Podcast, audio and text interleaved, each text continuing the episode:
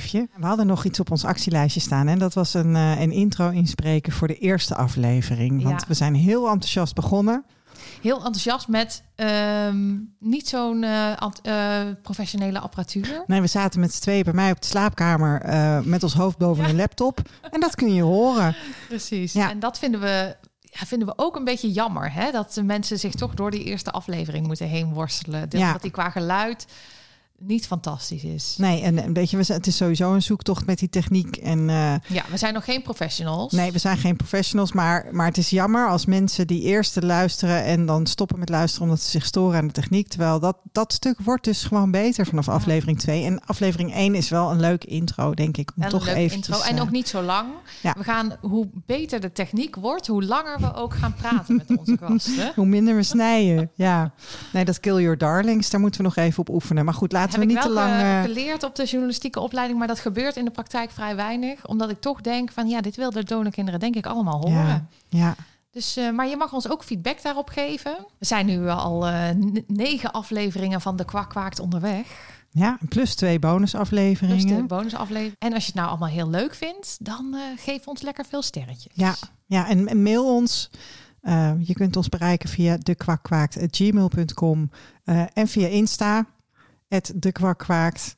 En we hopen dat je, dat je je door deze aflevering heen worstelt en dat je, dat je het prettig vindt om naar ons te luisteren. En dan horen we graag van je.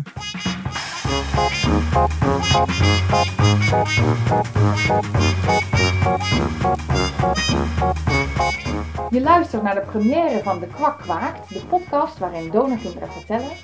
Ehm, met Esther de Lauw en Eefje Haber. Esther, we zijn begonnen. Ja, leuk. Ja, dat is iets waar we het al een tijdje over hebben, hè? Al best wel lang. Ja, Anderhalf jaar? minstens. Ja, We moeten onszelf denk ik even voorstellen. ja, ja. Wil jij beginnen? Dat is goed. Ik ben Esther de Lauw. Ik ben 48 jaar. En eh 20 jaar geleden heb ik een eh, gesprek gehad met mijn ouders. Waarin ze mij vertelden dat ik eh, niet het kind van mijn vader was, maar van een anonieme donor. En dat je die nooit zou kunnen vinden. Ik zou hem nooit kunnen vinden. Nee. En ehm, nou ja, dan. eh, de spoiler is eh, dat dat wel kan. We vinden ze namelijk Dat allemaal. kunnen we vast Maar daar verklappen. komen, daar komen we nog op terug. Ja. ja, en jij, Eefje. Wie ben jij? Ik, eh, ik ben Eefje Habets, achternaam erbij. En ik ben ook donorkind. En daarom vinden wij het belangrijk, denk ik, hè, om wat meer ja, daarover te delen met de wereld. Er is nog helemaal geen podcast over donorkinderen. Nee. Nou, dat, Nee. dat vonden we natuurlijk niet kunnen. En wat we, waar ik denk, tenminste wat voor mij ook een reden is om hier aan te beginnen, is dat ehm, we merken dat heel veel donorkinderen of hun ouders nog in de kast zitten. Dus heel veel donorkinderen weten niet dat ze donorkind zijn of mogen daar niet over praten. En eh, daarom gaan wij erover praten. En je kan hier of stiekem of niet stiekem naar luisteren en misschien wat van opsteken of eh, je vragen delen met ons. Dus dat is eh, mijn motivatie. Ja, gaaf. Nou, ik denk ook dat het fijn is om. eh, ehm, je, je merkt de afgelopen jaren zijn we best wel actief geweest. En je merkt dat als, erover, als je erover praat, dat dat andere mensen ook weer helpt om erover te praten. Ja. Het is vaak eh, voor mensen van onze generatie een groot familiegeheim. Nou ja, als dat uitkomt, dat, Ja. eh, dat doet wat met je. Ja. Ehm, En soms blijven mensen dan een geheim. ja, Mogen ze er niet over praten. ja en, en, en, en, en sommige mensen die gaan, willen gaan wel op zoek naar familie. Dan vind je misschien ineens heel veel broers en zusjes. Of je wil heel graag broertjes en zusjes en je en vindt je ze vindt niet. niemand. En dat soort dingen willen wij allemaal in deze podcast gaan bespreken. Ja, volgens mij eh, kunnen we uren achtereen doorpraten, maar we gaan het in wat verschillende afleveringen gieten. Ehm, en wat misschien een goede was om mee te beginnen, dachten wij, is de terminologie. Van Ja. Hoe praat je nou eigenlijk? Welke woorden gebruik je? Maar het begint natuurlijk al bij donorkind. Ja. Hoe oud ben jij ook weer, Eefje? Ik, oh ja, dat heb ik niet verteld, hè? Wilde ik geheim houden. 37 Ja. ben ik. Nou, jij bent dus een kind van 37. Ik ben een kind van 48. Ja, dat Ja. woord vinden we eigenlijk vervelend. Hè? Ja, dat donorkind. Maar dat- het, is natuurlijk wel, iedereen weet nu inmiddels wel waar je het over hebt. Als je het over donorkinderen hebt. Ik ben trouwens begonnen als KID-kind. Waarbij. KID staat voor kunstmatige inseminatie met donorsperma. Ja, Ehm, dus eh, tot vier, vijf jaar geleden had ik geen idee dat ik donorkind was. nee. Eh, maar ja, dat hele, dat hele kind, dat is natuurlijk een beetje gek. En, en, en ook als je dan op zoek gaat naar je vader. Ja, hoe, hoe noem je die dan? Als je er al eentje hebt. Ja. als je een opvoedvader zeggen we dan vaak, hè, maar Sociale vader. Nou ja, voor mij was het gewoon mijn vader. ja, Ehm, maar er, er- ja, er, er, er komt dan wat bij. Dus ik ben op zoek gegaan naar mijn vader. En als ik dat dan zei, dan, ja, dan kom je mensen tegen die er iets van vinden. ja die Nou, dat dat, is je niet dat je vader. mag zeggen. Precies, Ja, dat is niet je vader. Je vader is degene die je heeft grootgebracht. Ja. Ehm, ja, biologisch gezien is het wel je vader. ja. ja, en ook onder donorkinderen is hier, eh, denken mensen er verschillend over. Hè? Verschillende donorkinderen denken anders over ehm, hoe je de man die jouw eh, bestaan heeft eh, ja, mede opgericht, zeg maar, hoe, die, hoe je die mag noemen. Ja, klopt. En ik worstel er zelf ook mee. Ook, eh, eh, weet je, als ik het... Ik heb dan mijn vader gevonden. Ehm, ehm, hoe, hoe noem ik die man? Ja. Eh, ik denk, hij is overleden. Ik denk als hij nog geleefd had, dan noemde ik hem vast gewoon Gerard. bij zijn voornaam. Ehm, maar als ik het erover heb, dan heb ik het inderdaad over mijn donorvader, over mijn vader, over mijn biologische vader. Ja, Ik heb wel eens een geadopteerde gesproken. Toen had ik het over mijn biologische vader. En toen, nou, toen werd ik eigenlijk gewoon terecht gewezen van, eh, nou, dat is gewoon je vader hoor. ja, ja, ja, en zo, zo, zo vindt iedereen er wat van. ja. En, en worstelen wij daar dus zelf ook mee? Omdat je op latere leeftijd ehm, anders moet gaan nadenken. Hè? Degene die je dacht dat je vader was, die was het niet. Ja. Dus ga je die een andere naam geven of blijf je die je vader noemen? En er komt iemand bij eh, die je biologische vader is, maar ga je die dan ook vader noemen? Hoe is dat voor jou? Ik, ik merk dat ik ook ehm, eh, bijvoorbeeld soms, mijn opvoedvader noem ik dan bijvoorbeeld soms bij zijn voornaam. En dan zeggen mensen, over, over wie heb je het? Maar dan ben ik dus zelf op zoek naar een manier om daarmee om te gaan. Denk ik, nou, ik ga hem bij zijn voornaam noemen. En dan moet je de hele tijd gaan uitleggen wie het is. Ja. En dan sta ik weer te stotteren van, eh, Ik merk dat ik ze eigenlijk gewoon allebei wel mijn vader noem. Dus zowel de man waar ik dan de eerste elf jaar van mijn leven mee ben grootgebracht, hè, tot de scheiding van mijn ouders. Ehm, en, en, en de man die mij dan, met wiens hulp ik verwekt ben. ja, Ik noem ze eigenlijk gewoon is ook allebei waar. allebei vader. Ja. Ja. ja. en mijn vader, die, de- de- ik heb ook een vader. Weet je, ik, had, ik had ook al een vader voordat dit allemaal uitkwam. Ja. Dus, eh, Ik ben op een gegeven moment overgestapt op eh, wettelijk vader. Dus Oh, de- vader die mij erkend heeft. Ja. Want eh, opgevoed vond ik ook niet helemaal kloppen. Want ik dacht, nou, daar heeft hij ook niet heel veel aan bijgedragen. Dus nou ja, opvoed nou, vond ik dat niet kloppen. Dus mijn wettelijk vader en mijn biologische vader. Ja, grappig is dat. Want dat, dat, dat, dat, is voor mij dan een bruggetje naar dat ik twee broers heb die de wettige zonen van mijn vader zijn. Want dan, dan kom je ook bij van ja, oké, dan zijn dus eh Erik en Martijn heten ze. Dan zijn Erik en Martijn de echte kinderen van Gerard. Oh ja. hou even, weet je, eh, echt. Ik ben ook heel echt, hè. Ja, precies. Besta ik wel? Ja. Ja, dus, dus eh, ja, en dan, dan, dan, dan, ja, dan heb ik, ik heb hen dan tot eh, de wettige kinderen gedoopt. Zodat we, we zijn allemaal de kinderen, maar zij zijn dan de wettige kinderen. ja. Nou ja, en dan hetzelfde met broers en zussen, hè. Dan, dan, Maar wettig, wettig is ook iets, hè? Van, eh, ben jij wettig? Dat is, zegt ook iets over je bestaansrecht, klinkt het bijna. Vind je niet? Ja. ja, een beetje wel, hè. Ja. En wij zijn dus Ja. ja, wettig van iemand Ben, die... ben jij dan onwettig? Ja, bijna, toch? Ja. Zo, Nou ja, ik heb dus toen ik, ehm, eh, toen ik erachter kwam dat ik donorkind was, heb ik de gemeente Amersfoort gebeld, waar ik geboren ben. En eh, heb ik eh, naar de afdeling burgerzaken gevraagd. En heb ik gezegd, mijn, mijn geboorteakte klopt niet. ja. Ja, toen, toen, die mevrouw die was een beetje van de apropos. En die zei, eh, hoezo niet? Ik zei, nou, ja, mijn vader, die, dat is mijn vader helemaal niet. Nee. Nou, dan moest ze uitzoeken hoe dat zat. En toen Oh. kwam ze later bij me terug en toen vertelde ze van... nee, je bent in het huwelijk van je ouders geboren... dus ben je sowieso het wettig kind van je Oh ja, vader, van mijn vader. Dus dat bleef op je geboorte. Dus dat, blijft, dat, eh, dat, bleef er gewoon, eh, dat bleef er gewoon op staan. Ja. Ja. Nou, je hoort al wel dat wij meteen, waar het ook over gaat hier over donorkinderen, welk punt we ook aanraken, eigenlijk hebben we overal wel een worsteling mee gehad of worstelen we nog ergens mee. Ja. En daarvoor hebben we eigenlijk deze podcast in het leven geroepen. Hè. We, we gaan onze worsteling delen, maar we zijn ook ondertussen best wel ervaringsdeskundig. Want we hebben allebei niet geweten, wel geweten, gedacht dat we nooit zouden vinden, Gevonden. gezocht en gevonden. Ja. Ehm, jouw donorvader is overleden. Mijn donorvader wil geen contact. Dus, Wil eh, nog geen contact. wil nog geen contact. Wie weet komt het nog. Ehm, dus, dus wij worstelen allebei met dingen. Maar inmiddels hebben we ook ons al door dingen heen geworsteld. Waar we misschien hopen nou, of anderen mee te kunnen helpen.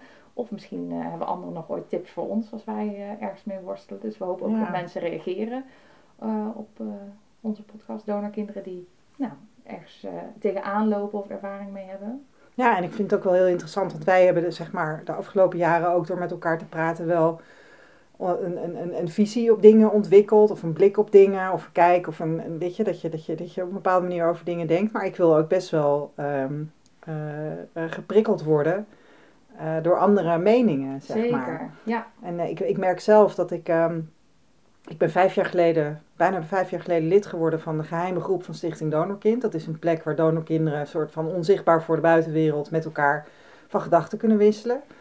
Ehm, en ik, dat heeft mij heel erg geholpen in eh, me uitspreken over het onderwerp. En ook, bij, ook, ook, ook in het aftasten van wat ik nou van dingen vind. Want Ja. ja, weet je, op het moment dat ik hoorde dat ik donorkind was, had ik, ik had nog nooit een ander donorkind ontmoet. Nee. Ik had geen idee, weet je, en wat dat dan met je doet. En ehm, ehm, eh, wat, we, wat we meemaken. En, en, en de reis die je wellicht ook maakt van niet zo heel geïnteresseerd zijn in, eh, in, in je donorvader. Naar toch op een gegeven moment misschien wel nieuwsgierig worden naar onbekende familie. Naar actief zoeken. Eh, dat is voor mij een reis van bijna twintig jaar geweest. Ja, ja. Ik kwam gisteren nog een jongen tegen die kende zijn vader niet. Maar het was geen donorkind, maar die kende zijn vader niet. 14 jaar en die zei, oh, maar ik hoef het ook niet te weten. En ik Ah. moest heel erg denken aan dat toen ik het hoorde op mijn 15, dat ik ook, eh, mijn moeder zei ook van, nou, hij is anoniem, dus je kunt het nooit vinden. Ja. Dus ik heb meteen geparkeerd. Ik dacht, hier kan ik helemaal Ja. niks mee, laat maar zitten. Want ik dacht ook, als ik wel iets mee wil, dan kan ik het niet. Dus ik moet het ook niet willen. En dat is toch een hele... Ja. Nou, toen was ik dus 15 en tot, pas toen ik 28 was, kwam dat een beetje dat ik dacht, oh, zal ik misschien toch op zoek gaan. Ik vind dat wel herkenbaar hoor, want ik heb de eerste jaren als mensen aan mij vroegen van, maar wil je dan niet weten wie het is? Dan zei ik, nee, ik heb al een vader. Ja, En dat, dat was uit overtuiging, hè? Ja. En, eh, dat, bedoel, dat, dat geloofde je toen ook. Ja, en dat, maar zo was het toen. Ja. En, en ik, ik, ik had zelf... ehm, wat gebeurde er bij jou? Want je zegt dat je rond je 28ste, dat je toen... Ja, Is, daar, is, daar iets, is dat aan iets te koppelen? nou, ik heb dus ooit, eh, toen ook, een, er is een bepaalde theorie die zegt dat je vanaf je 28ste echt loskomt van je ouders. Dus echt zelfstandig bent. Dus eh, niet, ja, je bent al op jezelf gaan wonen waarschijnlijk, maar meer eh, in je ideologie en hoe je kijkt naar dingen. En ehm, dat je, ja, dat je politieke ehm, hè, stromingen gaat volgen die misschien heel anders zijn dan die je van thuis hebt meegekregen. Dus echt het, het loskomen van schijnt dan vanaf je 28ste ge- te gebeuren. En ik denk dat dat bij mij ook zo was dat ik daarvoor heel lang heel loyaal was aan mijn moeder. Ja, En dat ik toen begon te denken van ja, maar er zit ook een andere kant aan. Iets wat voor mij belangrijk is, los van het belang van mijn moeder. Wat was dat ik gewoon eh, ehm, het allemaal prima vond. Want Ja. dat is voor haar het fijnst natuurlijk. ja, mij is in eerste instantie verteld van ga niet zoeken. En eigenlijk in 2011 kwam er een, eh, een KID DNA databank hè, van Vion. En dat was de- toen vonden Amy en Maartje elkaar. En dat las ik in de krant en dat zag ik op tv. En dat, toen realiseerde ik me dat ik broertjes en zusjes kon hebben. En dat was voor mij een van de ook? triggers. Oh joh, ik ben enig kind. Of althans, tot mijn 44ste ben ik enig kind geweest. En Ja. ik, ik, ik, ja, ja, ik wil echt, ja, ik wilde heel graag zusjes. Ja. Ja, Nou, heb je gelukkig ook oh man, ik heb er genoeg nu. Ja, nee, ik heb heel veel zusjes. Het is echt heel, ja, het is wel echt heel gaaf. Ik heb ook broers. Ik vond broers in het begin heel eng. Omdat ik dacht van, oh, dat is een doorkijkje naar mijn vader, weet je wel. Dus de eerste ja. broer dacht ik echt, oh, misschien lijkt hij wel heel erg op mijn vader. Dus dat, Ja. dat vond ik echt heel spannend. En het bleek dat, eh, eh, inderdaad, toen ik mijn vader vond, dat die broers ook gewoon echt, ja, die lijken op hem. Ja. Dat, eh, ja. ja. dus je had het je goed eigenlijk. ja, ja, ja. Dus het was terecht heel spannend. Ja. Ja, maar dat eerste zusje, daar ben ik echt een soort van verliefd op geweest. Ja. Maar ja, ook hè, over term, terug naar terminologie. Ja. Ik noem dat mijn zus.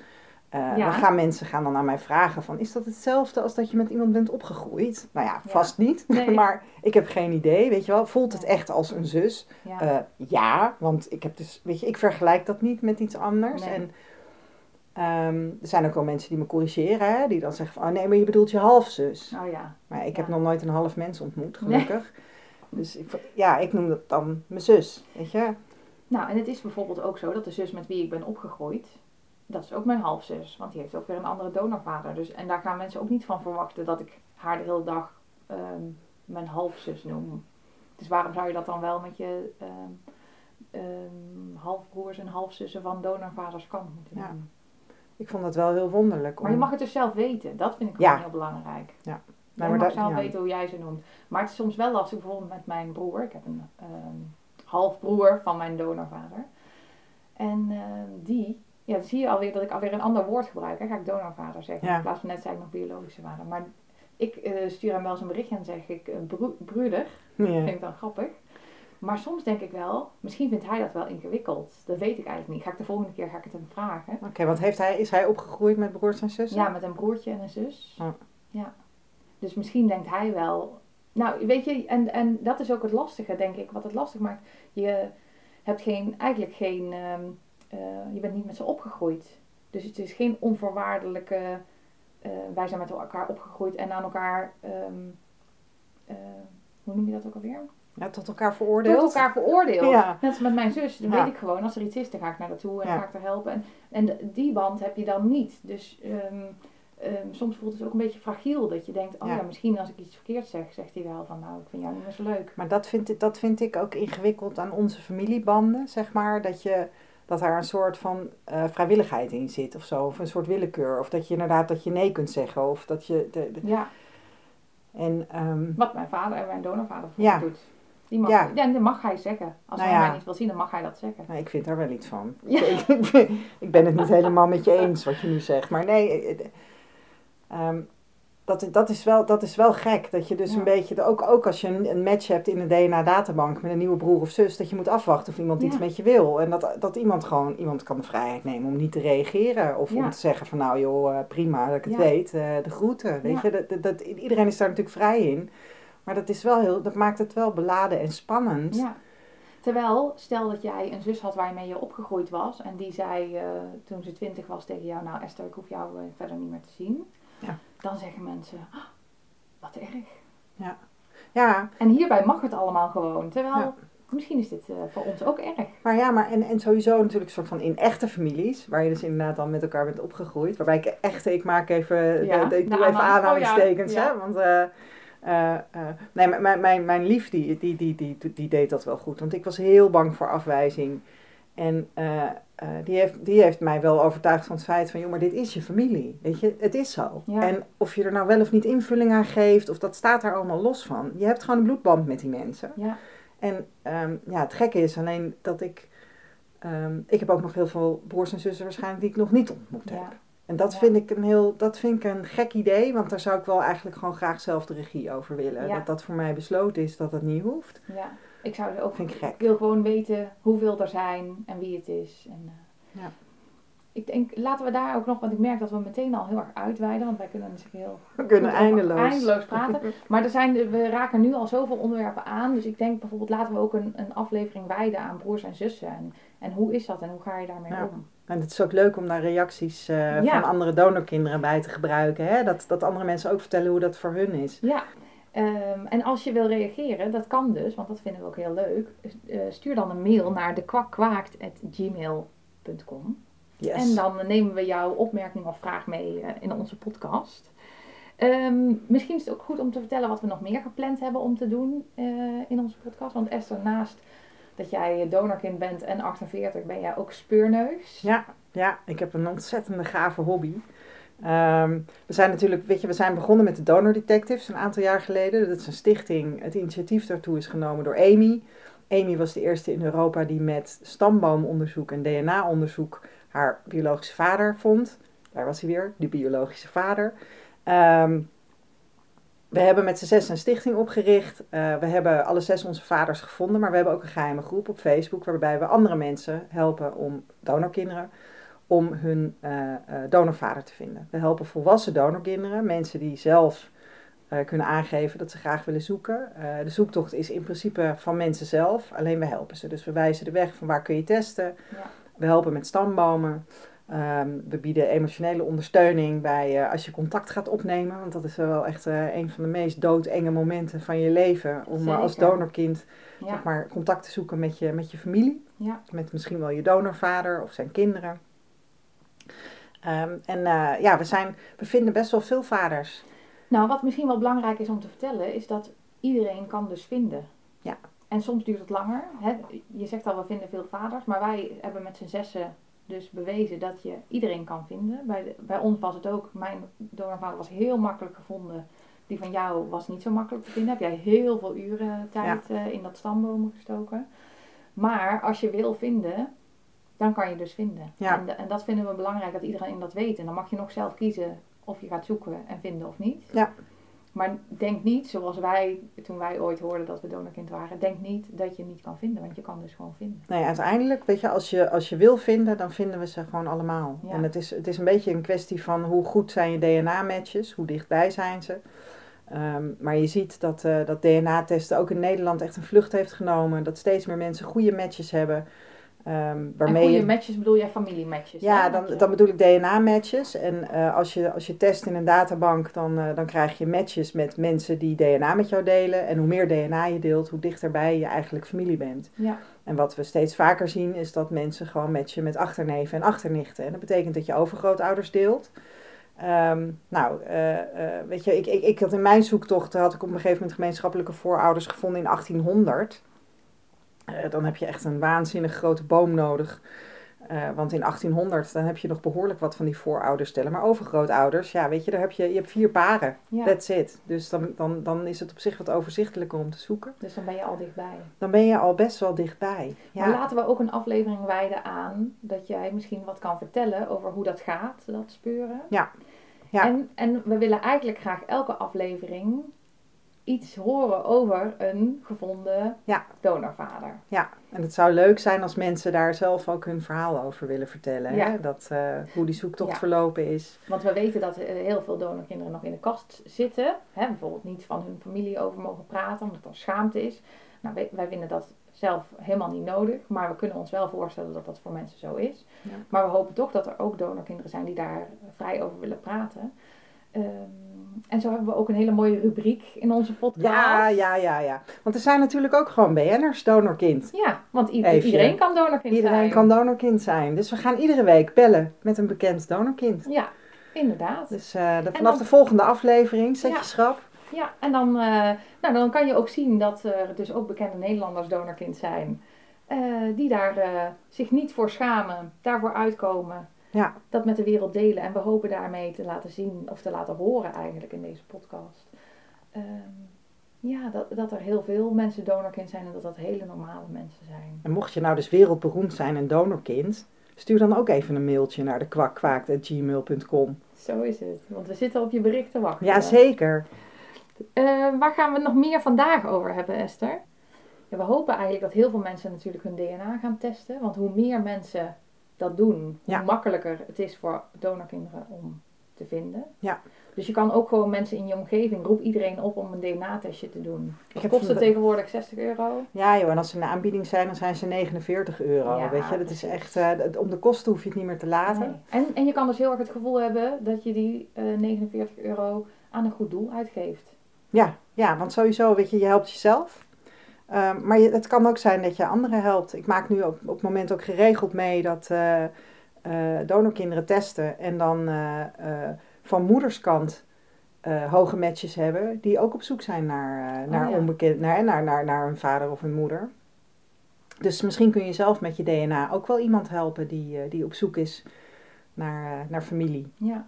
Ja, wat wel, wat, wat wel gaaf is, hè, ehm, ehm, is dat je, dat, dat, vond ik heel, dat vond ik heel fijn van dat zoeken, is dat je eh, op een gegeven moment dus gewoon de stamboom van je vader aan het bouwen bent. En ondanks dat je dan nog niet weet wie het is, en je kent die mensen niet, het is wel gewoon familie van je. ben je wel met je familie bezig Ja. eigenlijk. Ja. En dat stambomen, het is, eh, kan veel werk zijn. Het is ook een beetje soms ingewikkeld, maar het is wel te doen, toch? Ja, het is, weet je, dat stambomen, dat is natuurlijk gewoon een beetje een bejaarde hobby. Eh, maar het is ook best een tikje verslavend, eh, als je daar gevoelig voor bent. Ehm, en we maken heel veel gebruik van, eh, van digitale archieven. En dat is het fijne van in Nederland wonen. Wij zijn zo verschrikkelijk georganiseerd. Heerlijk, dus dat betekent, ja, er is echt tot 100 jaar terug kun je, kun je gewoon echt bijna, bijna alles vinden. En als je het niet kan vinden, dan kun je altijd nog lid worden van, eh, van eh, een groep stamboomgekkies op Facebook. En dan post je het daar. En dan heb je altijd wel iemand die binnen vijf minuten vertelt eh, wie de kinderen zijn van nou ja, Jan Jans uit 1880. Ja, dus dat is echt, ja, en het is, het is, ik, ik zeg altijd van, joh, je hebt een nieuwe hobby. Weet je, dit, eh, eh, eh, ja, we krijgen het helaas niet cadeau. Nee. Er is voor 2004, eh, ja, Maar sommige mensen ook wel, hè. Vorig jaar had ik nog contact met een donorkind die had zich ingeschreven in de DNA-databank.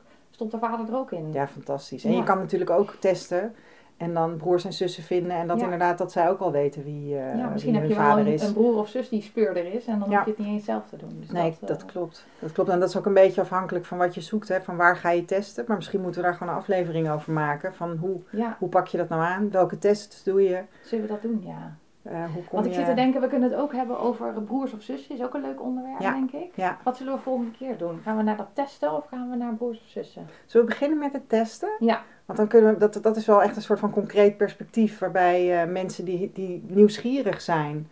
eh, eh, op zoek kunnen naar, naar hun donorvader. Ja. Ja, en ik zou het wel heel leuk vinden eigenlijk ook om, om bijvoorbeeld jouw broer te interviewen. Of, of dat, we mijn, Ja. dat we een zus van mij vragen Ja. om, eens, om eens met ons te praten. Ja, want er zijn dus ook mensen, mijn broer bijvoorbeeld, die wist wel dat hij donorkind was, maar die heeft die DNA-test eigenlijk gedaan met het idee dat hij, je kan ook een beetje achterkomen, hij wilde graag Italiaanse roots, had hij ook gehoopt. nou, was niet waar, maar wel een zus. dus ja, je hebt ook mensen maar zijn die... vader woont wel in de buurt van Italië. Hey, Dus zo- dat is- nou, hij werkt in de buurt oh, hij van werkt Italië. in de buurt van Italië. Hij woont weer ergens Nou, anders. Oké. Maar, ehm, nou ja, dus dat is voor hem ook leuk om te weten inderdaad. Toch iets van zijn roots te Ja. weten doordat hij, eh, nou weet wie, nou ja, goed, weet wie zijn zus is. Hey, en wat, kan ik ook, weten wie zijn donorvader is. wat ik ook wel interessant vind om het over te hebben is van... eh, want wij zijn dus overvallen door, door het familiegeheim, zeg maar. Mhm. Eh, maar is dat nou anders als je eh, altijd geweten hebt dat je donorkind bent? Ik bedoel, als je twee moeders hebt, ja, dan is het geen Ja. verrassing dat er ooit een keer ergens een zaadje geregeld is om jou te maken. Ja. Ehm, En is dat anders inderdaad? is dat anders? En, Ja. en, en, en hoe ervaar je dat? En, Ja. en wat ik ook interessant vind is, we hebben natuurlijk ehm eh, dokter Karbaat in, eh, in Barendrecht gehad, die eh, donoren heel veel- veelvuldig gebruikt. Ik kom zelf bij dokter Swaap vandaan uit Amsterdam. Die had er ook een handje van hoor. Alleen Karbaat was nog even een tandje knapper, want die, die verdunde ook nog het zaad, zeg maar. Dus die kon van ieder kwakkie heel veel, heel veel kindertjes maken. Ja. Ehm, maar hoe het is om inderdaad eh 80 broers en zussen te hebben. Ja. Ehm, en, en, en ja, weet je, hebben jullie ideeën over onderwerpen? ja, De kwak kwaakt. De kwakkwaakt.gmail.com Precies, want het heet niet voor niks de kwakwaard. We willen juist de donorkinderen horen. En natuurlijk zijn we zelf donorkind en ervaringsdeskundige. Dus we kunnen wel wat, eh, nou je hoort het al, we kunnen eindeloos doorbabbelen. Maar het is ook de bedoeling dat juist ehm donorkinderen die we nog niet gehoord hebben aan het woord komen. Dus dat zouden we heel leuk vinden. Ja, en wat ik ook wel interessant vind, hè, maar dat is dan eventjes een, eh, een stelling. Misschien willen mensen daarop reageren. Ja, Ehm, het valt mij op dat er best veel vrouwen zoeken. ja. En ehm, ik heb daar wel een beetje een theorietje over. Oh ja, Ja, nou, ja, ja, ja. vertel. Nou, dat zou ik wel eens willen toetsen. Want ehm, eh, nou ja, ik denk dat sowieso, weet je, we, we leven in een maatschappij waarbij het van vrouwen gewoon geaccepteerder is als je emoties toont en eh, hè, dat wat dichter bij je gevoel staat. En een kerel moet toch een beetje stoer zijn. Mhm.